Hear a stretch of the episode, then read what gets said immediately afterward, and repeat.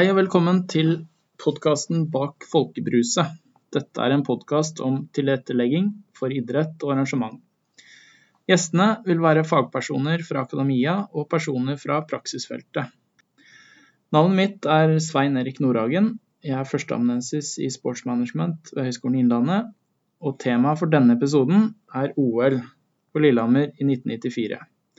Gjesten er Jon Helge Lesjø. Velkommen til deg. Jo, takk. Det er eh, en glede og en ære å ha deg med i programmet eh, som første gjest. Eh, Jon Helge er sosiolog, professor emeritus ved Høgskolen Innlandet. Han er en type professor som ikke bare er ekspert på ett fagområde. Han har utmerket seg med forskning og formidling innenfor et bredt spekter av områder. Årsaken til at han er her i dag, er hans ekspertise innen idrettssosiologi, og spesielt den olympiske bevegelse. Jon Helge har eh, skrevet en doktorgradsavhandling om OL eh, i 1994, og utgitt bøker innen idrettssosiologi. Vi deler denne episoden inn i to deler. Da. Den delen her den dreier seg om veien fram til OL, inkludert selve arrangementet. Mens del to Eh, omhandler hva som skjedde i etterkant, med tanke på arven etter arrangementet. Lillehammer ble tildelt eh, eh, de olympiske vinterleker under IOC-sesjonen i Seoul den 15.9.1988. Dette var noe overraskende og selvsagt til stor glede for nordmenn, spesielt nordmenn i Innlandet. Samtidig skapte tildelingen en viss eh, bekymring for eh, hvordan Lillehammer eh, på 23 000 innbyggere skulle klare å arrangere et OL. Men lekene på Lillehammer ble en stor suksess, og kulminerte i de berømte ordene fra IOCs president Samaranch, som sa på avslutningsseremonien at dette var the best winter Olympic Games ever. Eh, I denne episoden så tar vi for oss eh, eh, veien fram til arrangementet, fra idé til gjennomføring. Så Jon Helge, kan du si litt om hvordan ideen om å søke om et OL på Lillehammer ble til? Altså når skjedde det, og hvem kom med ideen? Ja, jeg tenker at vi må ganske langt tilbake i tid. Jeg vil gå tilbake til 1981, høsten 1981. Eh, da var Samarang, som da var blitt nyvalgt president i IOC året før, ganske ny i presidentstolen. Og det var avholdt en olympisk kongress i byen Baden-Baden i daværende Vest-Tyskland. Eh, og eh, det de var mest kjent for, var at de tildelte sommer-OL i 1998 til Seoul, som da var en kontroversiell avgjørelse, for Sør-Korea var ikke da en del av de demokratiske statene, kan du si. I tillegg, som ikke vakte så mye oppmerksomhet, så ble vinter-OL for 1988 tildelt Calgary i Alberta i Canada.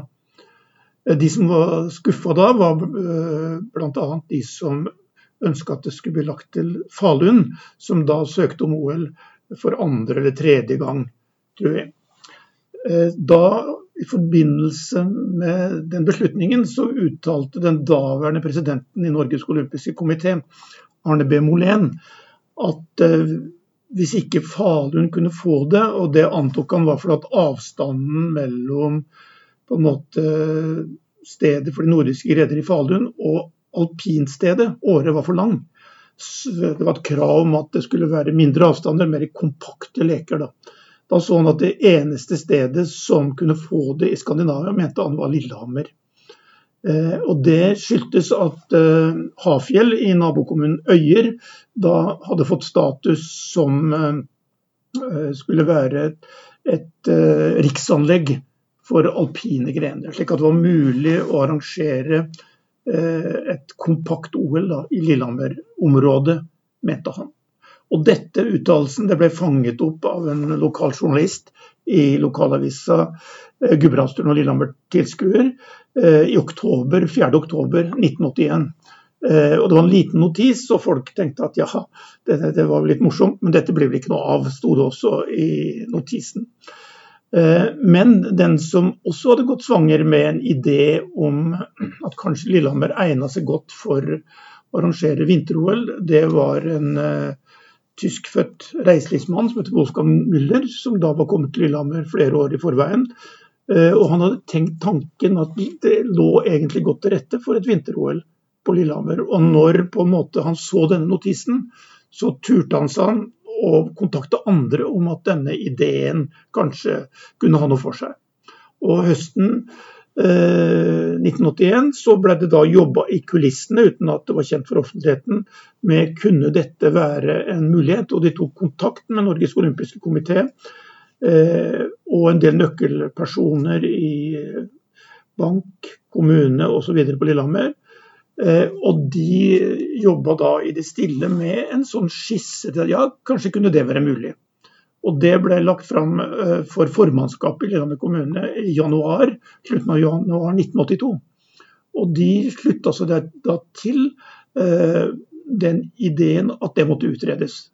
Og Da var det første gang dette ble offentlig kjent, uh, eh, 22.1 i uh, 1982, som kom som en veldig overraskelse på lokalsamfunnet osv. Men det de bestemte da, var at at det burde utredes. Så Lillehammer-OL har på en måte vært en del av offentligheten, iallfall eh, lokalt, da, i litt over 40 år. Mm. Men jeg regner med at uh, det her møtte en del skepsis i uh, Sikkert i lokalsamfunnet, uh, men også nasjonalt. hvordan ble det her, den, dette forslaget tatt imot? Det var vel kanskje Det ble betrakta som en vill idé i første omgang, og det var vel ikke så mange som tok det helt seriøst heller. Og så ble det jo en del utredninger eh, lokalt som mente at jo, dette kunne være mulig. Og det var også på bakgrunn av at eh, det var en tanke om at Innlandet og innlandsregionen var i ferd med å komme i oljeskyggen, som det heter. Altså den, eh, de store treforedlingsbedriftene Lillehammer og rundt Gjøvik-Toten-området var nedlagt. Eh, industrien sleit, og det var behov for nye satsinger. Og Da var det noen som greip på en måte ideen om at et uh, vinter-OL kunne skape økonomiske ringvirkninger som var gunstige. Og Så var det en del skeptikere, selvfølgelig. Både lokalt og litt i nasjonal presse også, men egentlig ikke mye. Mange syntes at det var en artig idé. da.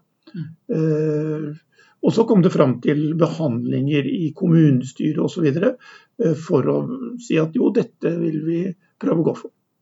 Hvordan var prosessen videre frem mot en, en søknad? Kan du si at Det er to ledd her. Da. Det ene er å få nasjonal støtte. Eh, det andre er jo å få innpass i, hos IOC. Da. Eh, og For å få til det første så ble det da etablert et søkeselskap et aksjeselskap med Lillehammer kommune som eide det, men som rekrutterte inn da, eh, nøkkelpersoner fra Norges olympiske komité og fra norsk idrett, men også fra norsk politikk, som på en måte kunne sikre at de kunne få støtte i nasjonale politiske fora. Da. Uh, og Det var på en måte den som dreiv prosessen framover, var dette lokale søkeselskapet. Eh, og da var det jo sånn at det var en prosess i to ledd. Den første runden var jo å få søke om å få OL i 1992. Eh, og da måtte de ha en statlig garanti for kostnadene. Det var helt åpenbart for alle at dette ville være for store kostnader for en liten by som Lillehammer. Og de lykkes da med å få en sånn statlig garanti. Eh, for arrangementet. og Det har vært skrevet en god del om det i ettertid også, og mange mente at uh, det var ikke så veldig grundig utreda. Uh, og det var kanskje ikke så mange som Vi så det også litt på som en markedsføringssøknad. og en del i sentrale politiske miljøer har sagt i etterhånd at de, ja, de trodde kanskje ikke så mye på det, men det var iallfall en god markedsføringssak. da. Mange så, på, så på det på den, eh, på den måten. Men det fikk iallfall en statlig garanti. Eh, på ca. halvannen milliard kroner eh, i 1985. Da. Og så 85-86. Og så var det en kampanje da, fram mot beslutningen som var høsten 1986. Og da tapte jo eh, Lillehammer eh, mot Albertville eh, i Frankrike, som fikk eh, vinter-OL for 1992. Samtidig så vedtok jo IOC at de skulle splitte denne samtidigheten mellom sommerleker og vinterleker, slik at vinter-OL ikke da skulle følge den samme olympiske syklus på fire år som sommerlekene, men den skulle komme neste gang allerede om to år. Eh, og Da var jo på en måte Lillehammer i startgropa, kan du si. Og på en måte da kjørte kampanjen videre for 1994. Og Det de da mente og hadde lært etter dette, var mellom annet at jo, de trodde de hadde et godt konsept, men dette var politikk på høyt plan, og de oppfattet det var litt manipulasjon også. For at uh, Albertville ble valgt for på en måte å nulle ut uh, Frankrike som konkurrent til sommer-OL, som da ble gitt til Samarangs hjemby uh, Barcelona i 1992. Slik at de måtte ha sterkere politisk synliggjøring av søknaden var en av de lærdommene de tok fra første fase. Og Så kjørte de prosessen fram, en markedsførings- og du kan si lobbyvirksomhet, da, fram til beslutningen i eh, Seoul eh, høsten 1988. Jeg regner med at uh, det, det, var jo fortsatt en, en overraskelse at Lillehammer ble, ble tildelt lekene. Men Altså, hva, hva, var de viktigste årsakene til at uh, uh, Lillehammer blei tildelt lekene? Vi hadde jo, vi hadde jo en statsminister bl.a. som uh, gjorde en meget positiv altså Brundtland, som kom ned og gjorde en me meget positiv figur i, i under IOC Session, hvor det her valget ble, ble tatt. Kan du si litt om det? Ja, det er klart, vi vet jo egentlig ikke eksakt hvorfor ble Lillehammer valgt. Fordi at IOCs beslutninger det var jo et ganske lukket forum, enda mer da enn nå. Eh, så det var vel en kombinasjon av at du hadde et eh, konsept, som det heter, et opplegg som, som falt i smak. Og så var det også eh, et konkurranse mellom flere byer. og Der trodde de fleste at det var svenskenes tur. Nå var det Østersund som var kandidat for, eh, for Sverige. Og, eh, men i innspurten så tok jo da den norske kampanjen, Lillehammers kampanje lærdom av at dette er politikk på høyt plan. Og Gro Harlem Brundtland, som da var statsminister, sa ja til å fronte Lillehammers kampanje. Og det hun og medarbeidere gjorde, var på en måte å spille på den goodwill som uh, Gro Harlem Brundtland hadde, og kanskje Norge hadde, gjennom hennes formannskap i FN-kommisjonen uh, for uh, miljøutvikling. Og Der hadde jo hun opparbeidet et, et, ganske stort globalt nettverk, og brukte det nettverket for på en måte å berede grunnen for Lillehammer. Eh, og mellom annet det de kjørte på, det var, det var mange i IOC som egentlig ikke har noen tradisjoner for vintersport, og ikke er interessert i vintersport heller. Eh, F.eks.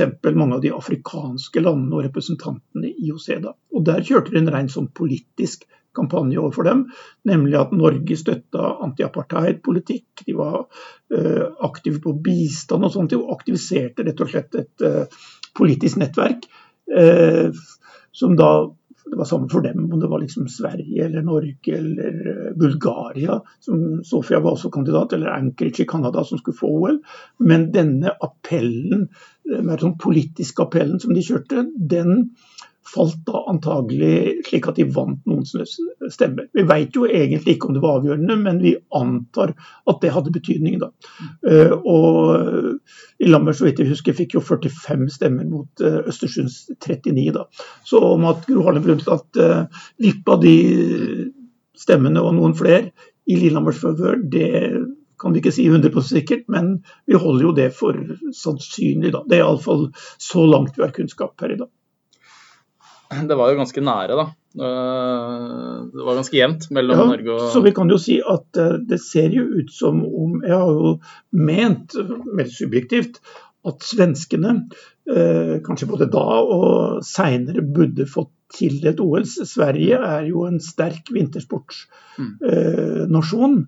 Men det har på en måte balla seg til for svenskene både med Faluns kandidatur, med Østersunds kandidatur, da, og, og seinere også eh, med Stockholms kandidatur. som jo gikk for å få OL så seint som tildelingen for 1926, men da tapte mot, mot, Milano og Cortina. slik at svenskene har kommet, etter min mening litt ufortjent, dårlig ut da, av disse søkeprosessene. Ja. Og det har jo um, vært skuffa òg. Det uttrykte jo ganske stor skuffelse i etterkant. Jeg er ikke besviken, jeg er forbannad, som en uh, svensk kommunaldirektør uh, sa på, på direkten. og, Jeg leste en, noe om at han var fortsatt forbannad at, over at Sverige ikke fikk OL i, i 2026. Så, så dette, henger, dette henger i. Eh, men, men, hvordan var reaksjonene da? Altså, Sverige, Svenskene var skuffa, det er naturlig. Hvordan var reaksjonene i, både i Norge og i, i, i, utlandet? Jeg tror det var uh, overraskende for de fleste. Altså, Svenskene var nok favoritter. Uh, og ja, jeg tror kanskje Samaranch sjøl også var overrasket over utfallet. Eh, det er i hvert fall det inntrykket som er skapt. Utover det vet vi jo ikke så mye om hvordan opinionen internasjonalt den gangen tok det. Og så eh, hadde jo var man jo Etter at man hadde feira dette her, så, så, skulle man jo begynne å planlegge det. Um, man hadde jo seks og et halvt år ca., stemmer ikke det? Jo, det skal tildeles sånn inntil sju år i forveien. Det, ja. det er jo, nå var det ble det jo nå litt ekstraordinært i og med at eh, eh, som vi sa, vinter-OL ble framskyvd mm. ut fra at de endra syklusen. og Det gjorde de åpenbart ut fra tips fra de amerikanske fjernsynsstasjonene som konkurrerer om å bidra mye til finansiering. Altså, de ville få mye peng mer penger ut av det, IOC hvis, og den olympiske bevegelse også, hvis de, hvis de endra syklusen. Mm. Så, så, kan du si litt om, om planleggingsfasen. Altså, det ble jo etablert en arrangementskomité. Eh, når ble den etablert, og, hvordan var prosessen der i, planleggingsfasen? Det som skjer da, er jo på en måte at uh, det, er jo nedfelt i det olympiske, olympiske charter og i kontrakten også mellom uh, vertsby og IOC litt hvordan du skal gå fram. Slik at uh, I samsvar med de bestemmelsene der, så ble det jo etablert en, en organisasjonskomité ganske raskt. Uh, og så viste det jo seg ganske raskt da at uh, det du hadde av planer, det måtte jo gjennomgås på nytt. Altså Nå gikk du en fase fra du det er lobbyvirksomhet for å få et arrangement, til faktisk å gjennomføre det og planlegge det. Og Det viser for så vidt Lillehammer-historien, at det er på en måte to ulike logikker som ligger til grunn for det. Slik at uh, den Lillehammer olympiske organisasjonskomité, det er LOK som det ble forkorta, der ble det jo store interne konflikter mellom partene. Uh, mellom idretten, ulike idrettsforbund, uh, staten. Eh, som var representert ved departementsråden i Kulturdepartementet, Per Haga, eh, Lillehammers representanter, eh, presidenten i organisasjonskomiteen osv. Det endte jo også med at Ole Skjetne, som var den som var leder av søkerkomiteen, også ble han president i den arrangementskomiteen etter hvert etter å ha fungert et års tid.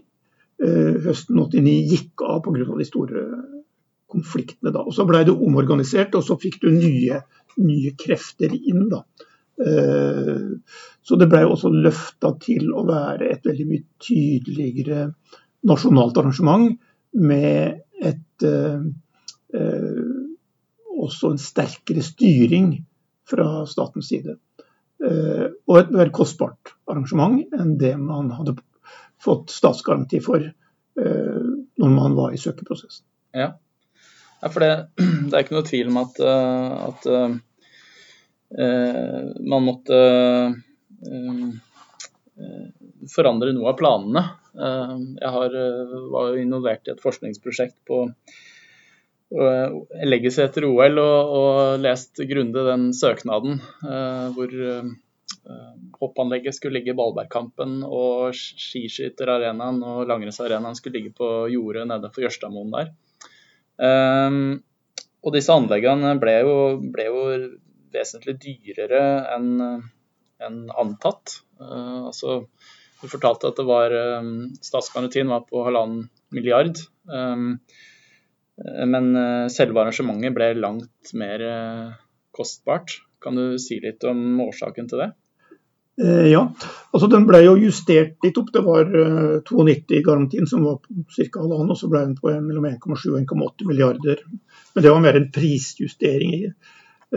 Og så endte det jo på 7 milliarder over OL-budsjettet, og i tillegg 2,5 milliard eh, i 1991-kroner i infrastrukturtiltak og andre, andre tiltak. Da. Så du kan si at det, nærma seg jo 10 milliarder i 1991-kroner totalt sett. Og det, jeg tror det er et sammenfall av eh, ting som gjorde at eh, kostnadene Eh, gikk så i været. Det ene er selvfølgelig at man ikke var profesjonell nok i eh, budsjettering, i tenkningen om det. Og også ting som er uteglemt eller utelatt. Eh, fra det. Man hadde ikke erfaring nok, verken i søkekomiteen, norsk idrett eller i departementet, kan du si, for å reelt vurdere det. Så det var litt sånn mangel på kompetanse, pluss kanskje også motiv for å få de reelle kostnadene fram. Fordi at det dyrere det var, dess vanskeligere var det jo å selge selve konseptet. Da. Så det, det er den ene grunnen. Den andre grunnen er at, eh, og det har noe med de mekanismer som ligger til grunn for sånne store prosjekter og store arrangementer, at eh, det var mange som fikk større ambisjoner underveis. Og det var særlig betinget av de som da ikke skulle bære kostnadene. Hvis det var klart at andre skulle betale, så var det fristende å legge større krav til.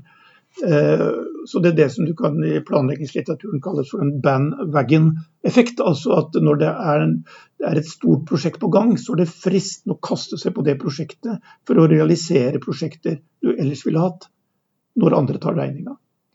Eh, og det gjaldt eh, både kommunale aktører, det gjaldt idretten, det gjaldt ikke minst de internasjonale særforbundene, som ønska å bruke arrangementet til å stille økte krav til arrangøren eh, for å få for å bygge sin idrett. Men det gjelder også statsetater som på en måte ikke nådde opp i vanlig budsjettbehandling i norske Stortinget. Som så her at kan de legge inn ting i, som nå får realisert og sies være nødvendig for å realisere et så stort arrangement, så får de jo ting til de ellers ønsker. Så summen av dette var Eh, det som bidro til kostnadseksplosjonen.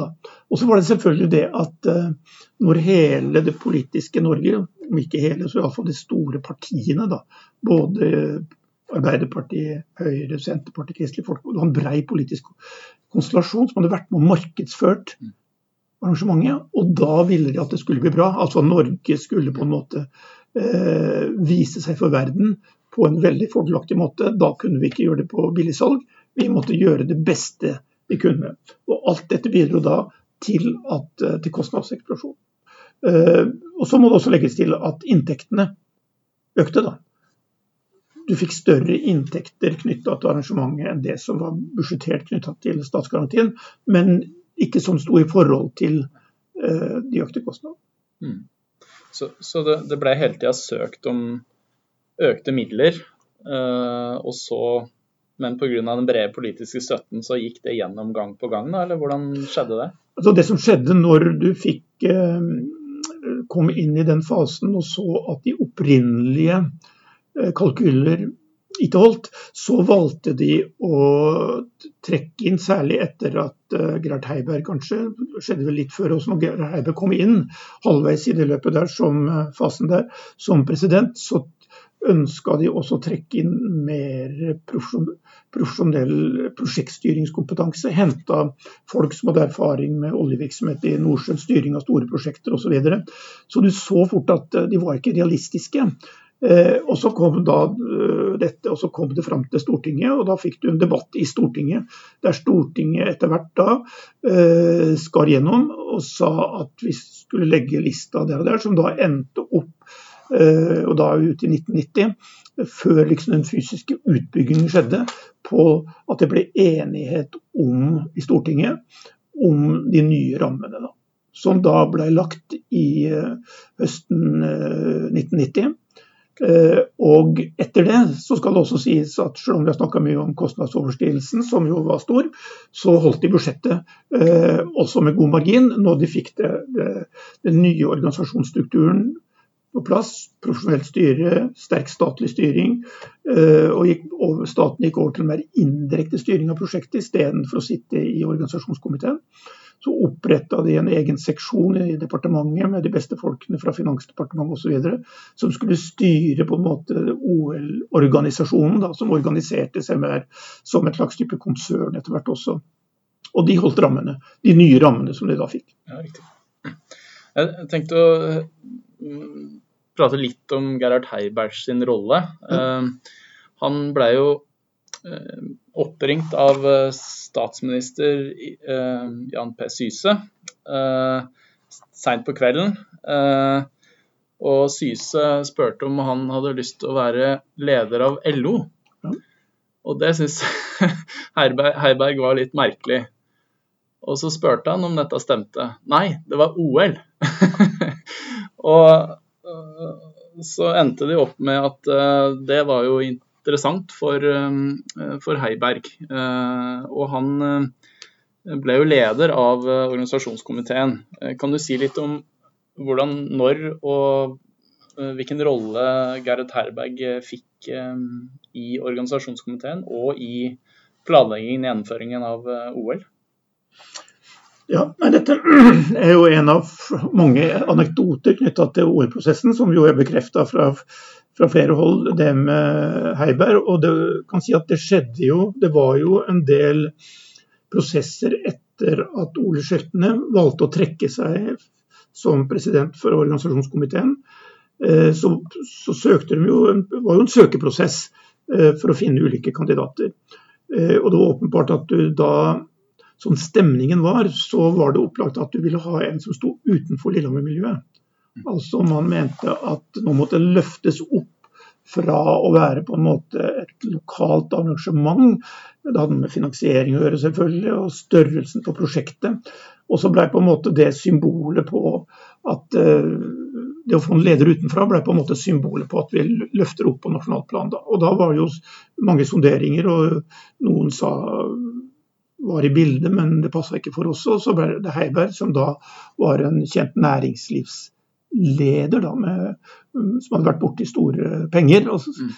store prosjekter før. Og han ble jo på en måte en på en måte OL-prosessens ansikt utad også, altså som, som, på en måte en slags arbeidende styreformann. En av de tingene han gjorde, var jo å sondere terrenget, og at han, det var jo et prosjekt han ikke kjente. Så det var jo viktig for han i tillegg til å trekke inn nye folk, også å spille på de som var der og kjente saken. Og en av de som han uh, valgte å uh, ta med seg videre, var jo Petter Rønningen. Som, var, uh, som hadde fulgt prosjektet helt fra starten i 1981-82. Og var Ole Slettens nære medarbeider, først i banken og seinere i OL-prosjektet. Så det, som operativ leder så spilte jo, spilte jo Eh, Petter Rønningen eh, en viktig rolle, eh, og etter hvert vil jeg si også Sigmund Thue, som hadde vært leder, daglig leder av prosjektet i 1994-kampanjen. Men i, styr, i, styresammenheng så var det jo, var det jo Gerhard Heiberg som var den sentrale, selv om det var andre som var mer sentrale på det mer operative plan. Da. Men dette ble jo staten på en olympisk karriere for Gerhard Heiberg, som jo blei Eh, av, eh, rekruttert inn av eh, Samarank, også til, til å bli medlem av IOC. Så du kan si at hvis du snakker om etterbruk i gåseøyne, så er jo han en del av etterbrukshistorien på Lillehammer også, men da inne i IOCs makker. Da. Mm. Og han spilte jo en rolle eh, på mange plan, bl.a. også for å prøve å få Lillehammer til å og Oslo, og Tromsø og mange andre steder til å søke OL. For å bringe OL på nytt til Norge. Da, mm. Da han, øh, han øh, Når han kom inn der og Altså, han fikk jo et, god, et, godt forhold til IOC etter hvert, tydeligvis. Han satt jo som IOC-medlem i mange år, fram til 2017 var det vel? Kan det stemme? Ja. Um, men det var ikke like god stemning sånn rett i forkant av OL uh, mellom IOC og Gerhard Herberg, og for så vidt utøvere og for så vidt deler av den norske befolkningen. det var jo det var såpass dårlig stemning at Samaranch han trua med å avlyse lekene dagen før åpningsseremonien. Altså, hva, hva, var, eh, hva lå den her konflikten mellom, eh, mellom eh, IOC og, og eh, disse nasjonale aktørene i? Eh, altså, befolkningens holdning eh, til, til OL og IOC den har gått litt i bølger. Det Mesteparten av denne perioden fram mot OL var jo den forholdsvis positive. Eh, hadde ikke så mye meningsmåling, men de fleste, bortsett fra én måling, så var de fleste i hvert fall lokale ganske positive. Eh, mens eh, også mediene de så det litt på en artig sak og hadde ikke så mye kritisk journalistikk fram til selve anleggsperioden begynte. Da var det mange konflikter og også kostnadsoverskridelsen. Og når det kom, så begynte også mediene å, å bli mer kritiske. Eh, og jeg vil si at internasjonalt så var det den boka som eh, Andrew Jennings, den britiske journalisten, var med på. Eh, som publiserte en litt sånn skandalebok som han kalte for 'Ringenes herrer', som kom på norsk ganske raskt etterpå. Og som på en måte avdekte, for det første hadde han gjort at Samarangs sjøl jo hadde vært en Eh, en del av Franco-regimet i sin eh, Ja, helt til Frankos død, egentlig, har aldri tatt avstand fra det også, altså knytta til et diktatur. Og også at IOC tidligere var jo liksom en klubb av, med et litt sånn aristokratisk preg. En klubb av bedrestilte som sto nokså fjernt fra idretten. Som på en måte de ble sett på i en norsk sammenheng også mye som sånn idrettspamper, som hadde lite med det å gjøre. Og I den sammenheng så så var det både på utøversida Vegard Ulvang, eh, som eh, kom med en uttalelse i mediene om at eh, IOC var en veldig udemokratisk organisasjon. I dette lå det også ganske mye fra Ulvangs side, tror jeg. Og også Gerhard Heiberg i et eller annet eh, betenksomt eller ubetenksomt øyeblikk, det vet jeg ikke, også har sagt at nei, det var ikke noen demokratisk organisasjon. Og så blei dette trykket, selv om intervjuet med i hvert fall Heiberg hadde gått ganske mye tidligere i Dagens Næringsliv, rett før OL, som da ble referert for uh, Samarank og IOC-medlemmer, som, uh, som, da følte seg lite velkomne. da. Tenk at det var et intermesso uh, rett før OL for å blidgjøre Samarank, for Vegard Ulvang var han ingen hvem som helst. Han var gullvinner fra Albertville, var en typisk norsk helt. Og han skulle også, skulle også avlegge den olympiske ed under åpningsseremonien. Så det, man følte at det var mye som sto på spill da. Så til og med kongen eh, ble brakt inn, kong Harald, for å blidgjøre Samarang. Det var jo kjent at han er svak for de kongelige. At, det var noen runder der, og så roa det seg. Ja, det, det roa seg eh, med litt hjelp fra, fra, kongen. Så du kan si at det var nok typisk for, eh, for, norsk opinion, på en måte, selv om det har gått i bølger. Eh, og som ble veldig tydelig også i, i prosessen når OL skulle søke. Oslo skulle søke om OL i 2022. At det norske folk på en måte er, de er, de er begeistret for vinteridrett. Og for så vidt vinter-OL også men er veldig kritiske til IOC. Så det er en slags ambivalens i opinionen som da kommer til sterkt uttrykk med, med bestemte mellomrom. Mm. Ja, det er det noe vi har sett uh, gjennom hele historien uh, fram, til, fram til nå. Uh, vi merka det litt under ungdoms-OL også. Ja. den, den, den skepsisen da, til IOC. Samtidig så den er relativt stor. Samtidig så er, er jo nordmenn og norske utøvere veldig glad i, i vinter-OL spesielt. Og, men hvis vi går tilbake igjen til, til OL 94, altså det ble jo en suksess på mange måter. Det var et godt gjennomført arrangement. Eh, som ble, virkelig ble lagt merke til utover landets grenser. Med, med flotte bilder fra norsk eh, vinterlandskap og, og, eh, og god, god liksom, markedsføring av Norge og, og regionen. Sett med norske øyne så ble det jo en folkefest med mye publikum og, og mye gode norske prestasjoner. Hva, hva, var de viktigste årsakene til at eh, Lillehammer lykkes så bra da, med å arrangere eh, OL?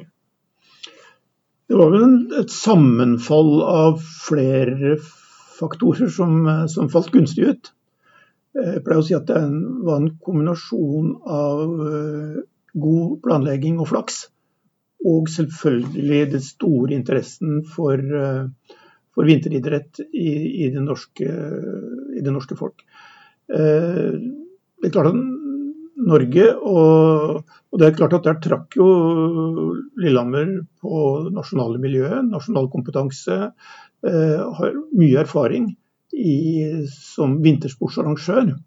Eh, så det er mange som kan dette, og de kunne bygge på de kreftene der. Og så er det ingen tvil om at den var veldig, heldig med været. Det var veldig kaldt. Men det var også et høytrykk som man ikke har sett maken til i Lillehammer i februar måned på veldig mange år. Sjøl så sto jeg i det som ble hoppbakken et par-tre år på forhånd, tidlig på 90-tallet. Eh, I februar, omtrent når OL skulle åpnes, på samme tid. Da, da det var helt grønt over hele området, det var ikke, var ikke snø. Slik at eh, hvis det hadde vært situasjonen i 94, så er det klart helt andre bilder og inntrykk ville vært skapt. da. Så man var heldige. Eh, og så var det også det at, eh, som du var inne på, det ble en folkefest. altså Når kranglinga om lokaliseringer og sånne ting var over. Så, så noen mente at klimaskiftet, eh, altså det mentale klimaet, i denne, denne sammenheng skjedde i forbindelse med fakkelstafetten. Eh, der på en måte du var rundt hele landet og mobiliserte på en måte godviljen til det store arrangementet. Da. Det være veldig stor nasjonal interesse, i tillegg til internasjonale medier. Og folk, folk, skulle til Lillehammer og oppleve dette, og skapte en fantastisk atmosfære rundt arrangementet. da. Og så hjalp det med gode norske prestasjoner. ikke sant? Altså at du hadde eh, Hvis du gikk tilbake til 88-OL, så var det jo eh, prestasjoner uten en eneste norske gullmedalje, f.eks. Og satsingen på Olympiatoppen og mange andre sånt begynte, uh, ga jo resultater allerede to år før. Men, uh, så summen av dette da, mm. skapte kan du si, det Eh, gode arrangementer som det ble, som både nasjonalt, eh, det norske folk og internasjonalt mente var opplevde veldig vellykka. Så det på en måte ble på en måte en standard for, for også som framtidige OL-arrangementer ble mot. Mm. Ja, for det, den, den, eh, de negative følelsene hos Samrange og IOC og, og for så vidt norske befolkningen, den, de, de, de ble jo dempa ganske raskt eh, når lekene kom i gang. Og, og man fikk jo den eh, Det som ble, ble Samaranch eh, omtalte som the best Winter Olympic Games ever. Hva var dine beste minner fra, fra OL? Jeg regner med du var på til stede? Jeg var jo i Lillehammer da var på mye. Uh, jeg vil si det var eh, stemningen. Altså det var eh, Det som vi husker best, var på en måte folkelivet. Eh, stemningen rundt skiløypa, både på stadion, på Birkebeinet skistadion, i hoppbakken, også på de andre arenaene, kombinert med folkelivet i byen. Mm. Så du hadde den følelsen at du var med på på en måte noe spesielt. da. Mm. Det var det som uh, husker best, mer enn enkelthendelser. Mm. Ja, jeg er enig i det. Den, den, den folkefesten. Jeg, jeg, var litt for ung for å oppleve liksom festen i byen, ja. men jeg husker veldig godt uh, uh, Spesielt på Birkebeinerstadion uh, før stafetten her, hvor vi venta i flere timer. Det var kaldt, og, men fint vær, da. Klart vær. og, og og den stemninga som var der oppe, den, den, var virkelig spesiell. Selv om det ikke ble norsk seier akkurat da, så, så var det et minne for livet, da, eh, vil jeg si. Og som er et minne som man deler med ganske mange andre som har vært eh, til stede eh, under OL. Men det, det litt, dette dreier seg litt om, om, arv og legacy, som er tema for, for neste, neste del av denne podkasten om, om OL på Lillehammer. Eh, så del to skal vi ta for oss betydningen eh, OL 94 har hatt for innlandsregionen. Eh, så vi håper at flere er interessert i det også. Og da takker jeg deg, Jon Helge, i denne omgang for, for veldig fine innspill og fortellinger om, om veien fram til OL. Og så skal vi møtes ganske snart igjen for å snakke litt om arven etter OL. Ja, bare hyggelig.